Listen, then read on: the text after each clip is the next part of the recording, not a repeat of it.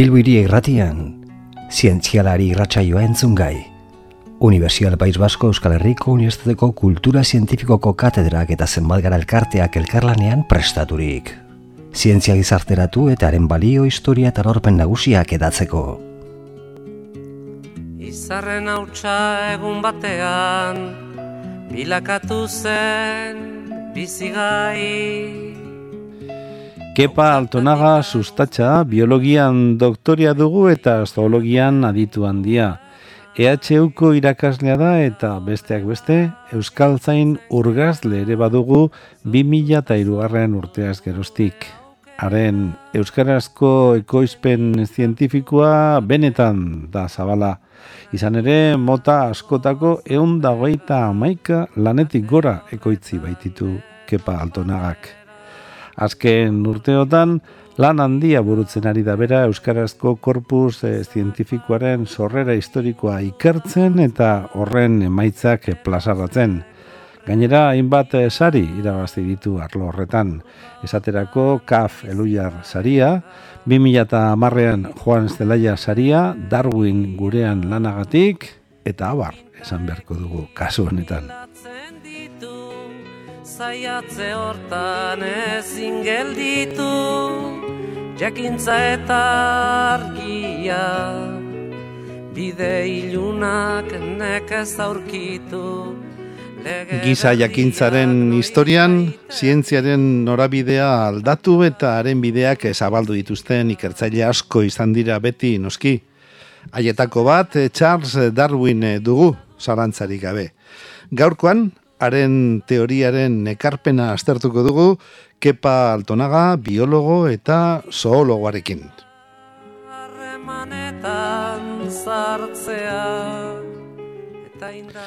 Kaixo, Kepa, zemuduz? Ah, ondo esango dut, kaixo, bai. Bueno, e, Charles Darwinen ekarpena gaurko netan e, gaian murgiltzen aste aldera eta batxillergoan ikasitakoa gogoratze aldera baita ere, esan zen izaguke mesedez e, hitz laburrez eta hitz errazez alduzun neurrian, zertan datzan Darwinen e, teoriaren funtsa, hau da, e, zer den evoluzioaren teoria eta zer e, hautespen naturala.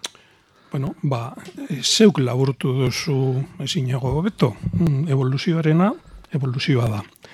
Darwinen berbetan e, esateko, esango dugu, ba, evoluzioa dela, desendentzia modifikazio duna.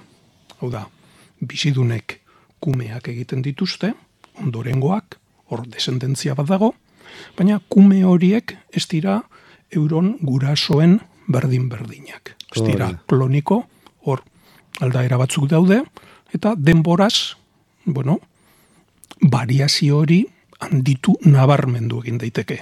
Evoluzioa, beraz, desendentzia modifikazio duna.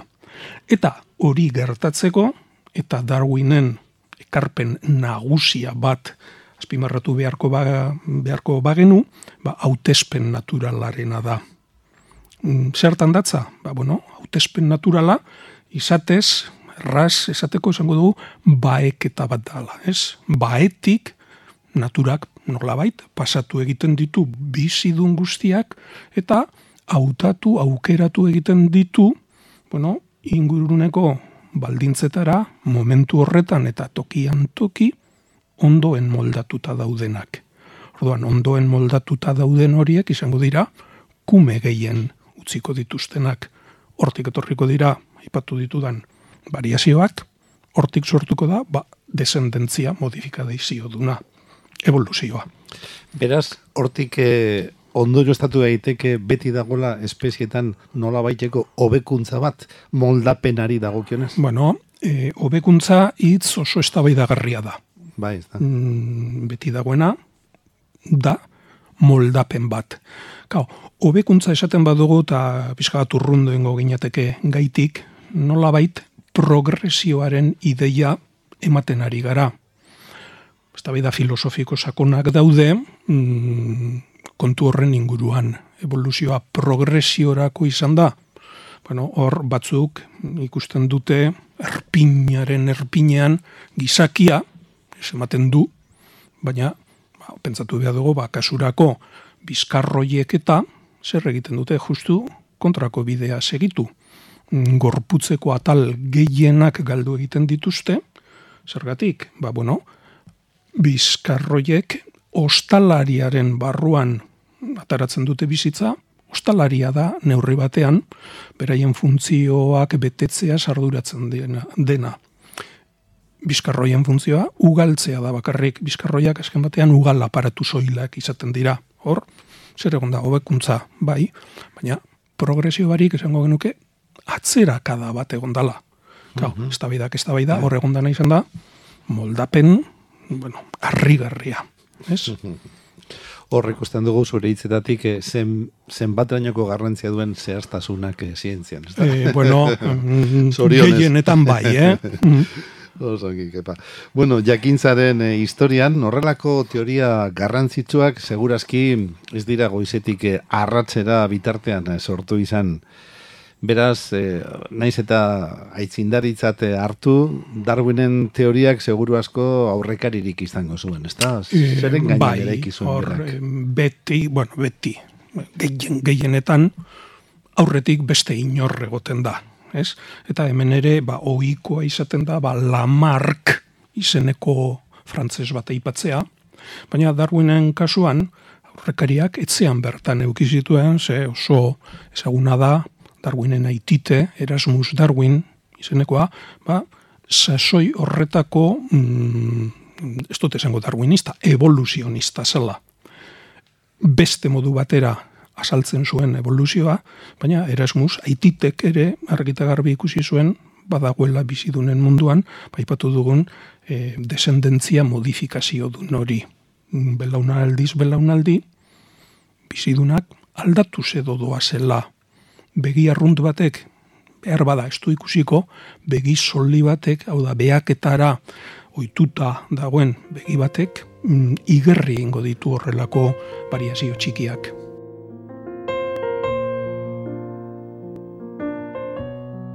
Guazen beste puntu batera, ondo baderitzazu, eta bai. aipadezagun darwinismoa eta erlegioarekin eta pensamentuarekin izandako erlazioak.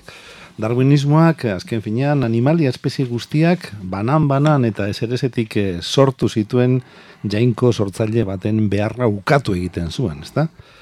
Zientzia eta religioaren artean inoiz izan dako talkarik larriena izan zen hori edo besterik ere izan da? E, bueno, hori ere mm, modu horretara orkestu aldugu gaur eguneko begietatik horrela ere bada, ematen du zientzia eta erlijioa ba, elkarri bizkarra eman da daudela, baina pentsatu behar dugu edo ezin dugu astu lusaroan em, Biblia izan dela, Biblia izan dela, mendebalde honetan oinarrizko liburua. Eta oinarrizko liburu horretan basegoen biodibertsitatea asaltzeko lan hipotesi bat. Lan hipotesi hori kreazioaren asan, hor jan goiko bat, edo, bueno, eman dezagun demiurgo bat e, zegoen, bat batean, egitate bakar batean, mundua sortu kreatu egin zuena. Eta luzaroan, zientzilariak, erligio, vamos, eliz gizonak izan, zeinez izan, e, beraien behaketak, bueno, lan hipotesi horrekin asaltzen zituzten eta luzaroan, ba, gauza asko eta asko eta asko, modu horretan nahiko, zelan esango dut, e, koherenteak ziren. Menderen mendeetan. Bai, menderen mendetan. Kau, zer gertatzen da, bat, tarteka, tarteka, baina agertzen zala, datu bat, hipotesi horren barruan asaltzeko zaila sana. E, beste adibide batekin ez, noeren arka, luzaroan, bai izan zen, ba, noeren arka, asalpen, ganorasko bat munduaren biodibertsitatea saltzeko. Baina mundua zabaldu zenaz batera, Ego Amerika edo, fin, Afrika edo e, aztertu zirenean ikusi zen hor bizidun asko asko asko zeudela eta arkak ez eukala leku nahikorik espezie guzti horien bikote bat ostatu izateko. Orduan hor sortzen da ba, kontraesan bat mm, azaldu beharko dana. Bueno, kreazioarekin ere, nik esango nuke beste horren beste gertatu dela, eta luzaroan zientzilariek hipotesi hori onartzen zuten. Karo, momentu batetik aurrera ja hipotesi horrek utzak hainbat aldetatik utzuneak azaldu ezinak makina bat tokitan orkesten ditu, eta Darwinek eduki zuen, mm, zelan esango dut, virtutea izan zen, hipotesi alternatibo guztiz arrazuna berri bat aurkestearena. Karo, hipotesi horretan, hemen ondoriotara joan da, edo jatorriatara joan da, ja ez dugu jainko baten beharrik hautespen naturalak, bueno, Darwinen hipotesiak azaldu ahaldu biodibertsitatea beste modu batean, jainkoaren hipotesirik gabe. Nola bait, beste alor batean, baina Laplacek Napoleoni momentu batean, bere munduaren, vamos, e, unibertsoaren eskeman, ba, Napoleonek esan zion, ba, ez dut hemen jainkoaren presentziarik ikusten. Eta erantzuna izan zen, ez dut hipotesi horren beharrik eduki zir, bueno, zir edo zire. hemen ere, momentu hortar arte, ba, bazegoen behar hori, momentu horretatik aurrera mundua beste modu batera, azaldu aldugu, jainko baten beharrik engabe. Eta orduko zuak eh, dudarik gabe piztuko ziren, nakalde batekoak eta bai, bestekoak, bai, bai. eta orduko zuak erabat itzali direla, esan genezake? E, ez, ez dira guztiz itzali, eta horren froga da, ba, bueno, ez etuaterako, Mm, ezaguna dalako, ez? Estatu batuetan batez ere, ba, ikusi zenbat kreazionista dagoen, momentu honetan ere, segurezki, e, Darwinen e, teoriak, mm, dut, aurkaritzarik kontrakotasunik nabarmenena, estatu batuetan dauka, ez? kreazionistak, edo sasoi bateko kreazionisten beste metamorfosi bat izan daiteke, ba, esango dut, em, diseinu adimentzuarena diseinua dimentzua, bizidunak, bueno, ikusi, izenak berak dinosku. Neurri batean, diseinatuak dira, bueno, diseinu bat onartzen badugu, horrek zer dakar.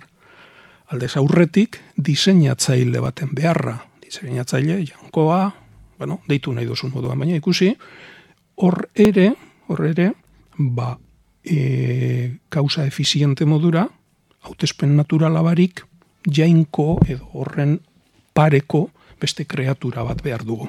Mm Hau da, bueno, Darwinek bere garrantzia auki zuen, baina orduko zuak ez dira oraindik era bat eh, amatatu, esango dut. Hori da. Dena den argi dagoena da, esan genezake, seguru asko, darwinismoak leku apalagoa eta helburu xumeagoak eman dizkiola gizakiari, ez da? E, bai, lehen ere, ba, bueno, hor e, digresio txiki batean, ba, o, bakuntza eta progresua eta ipatu dugunean, ba, bueno, kao, e, eskola zaharrean, bueno, edo guk txikitan ikasten genuen, ba, jainkoak zazpigarren, ez, zeigarren egunean kreatu gintuela, eta zazpigarrenean deskantzatu. Hori ikusten da, ba, bueno, komplezutasun, bueno, en fin, progresio moduko bat, bueno, Darwinek, eta Darwin nek baino lehenago beste batzuk ere, e, gizakia animalien multzora mm, eramaten arduratu ziren, eta noski hor lan e, historian zehar ba, nekosua egon zen, baina gaur egun gizakia, bueno, beste animalia bat da. Batzuren eritziz apartekoa, nahikoa apartekoa, baina gure animaliatasun hori salantzarik gabekoa da. Uh Azken puntu bat e, pensamentuari, erligioari buruz, ari gara, darwinismoaren eraginpean sortu ziren korronteak eta eta esklabotasunaren garaira jo nahi genuke zera esateko inork inoiz esan du espezien jatorria liburuak egoak eman zizkiela esklabotasunaren abolizioaren aurka zeudenei gizon eta emakume zurien nagusitasuna hautespen naturalaren ondorio soila zela argudiatzen zutelako. E, bueno, hor ere mm, luz, kontu luzea auki izango litzateke guzti argitzea, ez? E, baina e, Darwinek, bueno, hautespen naturalarena, bueno, gaur egun normalean darwinismo terminoarekin ezagutzen duguna, plazaratu zuen, baina atoan atzetik etorri zen, ba, esango dut, darwinismo soziala. Darwinek horretaz zuen esan, baina Herbert Spencerrek eta, ba, bueno, oberenen mm, bueno, hautespena eta planteatu zuten. Gau, horrek jakina desmasia askotarako bidea zabaltzen du, eta horrek mm, labur esateko argituko luke neurri batean zergatik, orduko denporetan e, evoluzionista ziren pentsamentuz koloniak, kolonietako mm, dut, inteligentziak, metropolietakoak baino. Metropolietan inteligentzia nahiko kontzerbatzaile izan ziren, emon dezagoen ba, Espainian edo Frantzian, ustera kolonietan, kao, zeuk eipatu duzuna ez, bueno, esklaboak, fin, beste e, esplotazio modu batzuk azaltzeko, ba, hor bagen eukan oinarri zientifiko bat darwinismoa onartuta. Eta horrek dakar, ba, ba bueno, Erabilera gaizto bat. Bai, erabilera ez zientifiko bat esango dugu.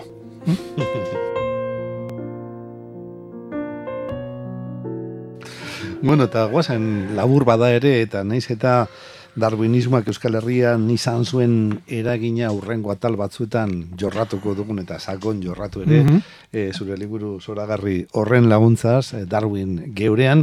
Gaurkoan egiguzu mesedez kepa laurpen gizara ze joera egon zen Euskal Herrian? Mm, bai nik eh, bueno Darwinismoa jaso duen edo jaso zuen Euskal Herri horri Lotilandia esaten diot neurekiko bueno, e, zergatik, ba, hor ikusten dudalako parke tematiko bat euskaldunekin eta oso zena, baina baldintza oso mm, zehatzak, fin horrein ez ditugu hemen emango, ez? Ba, Lotilandia horretan, ez, eta Darwinen ideien aurrean, nik esango nuke, nagusiki kolektibo biegon zirela, ez? Bata, kontra agertu zena, eta kontra agertu ziren, ba, abadeak, apaisak, ez apaesteria, eta aldekoa, eta aldekoa medikuak esango dut. Bueno, kolektibo, kau, kolektibo biak ilustratuak darwinismoari buruz, berba egiteko, alde egoteko, kontra egoteko, lehenago esautu behar duzu. E, minimoki, e, espasara, eskolara eta joan, ezin duzu hori inondik usnatu ere ez ez. Ordan bata kontra, apaisak, bestea alde medikuak. Baina hori ere eskematiko egia izango litzateke, egia bai, baina nahiko eskematiko, zergatik, ba, geurean, abadeen artean aurkitzen dugulako lehen evoluzionista, lehen darwinista, Armand David, ez? Eta modu berean ikusten da, kontrara, kontrako alde horretera joan da, medikuen artean, ba, medikuak, darwinistak direla, baina oso epelak, oso oso epelak lan. Eta batzu, kontrakoak, ez dut ba, ba, zer esango dut medikuen artean, ba, oso aldeko, jan etxe pare medikua ipatuko dut, baina haren laguna zen, ba, Moris Zuberbiel, apaiz baten modukoa erakoa da alde horretatik. Ez dakit horrela laburtu dizudan, baina tira. Universidad País Basko Euskal Herriko Unibertsitateko Kultura Zientifikoko Katedrak eta zenbat gara elkarteak elkarlanean prestaturik.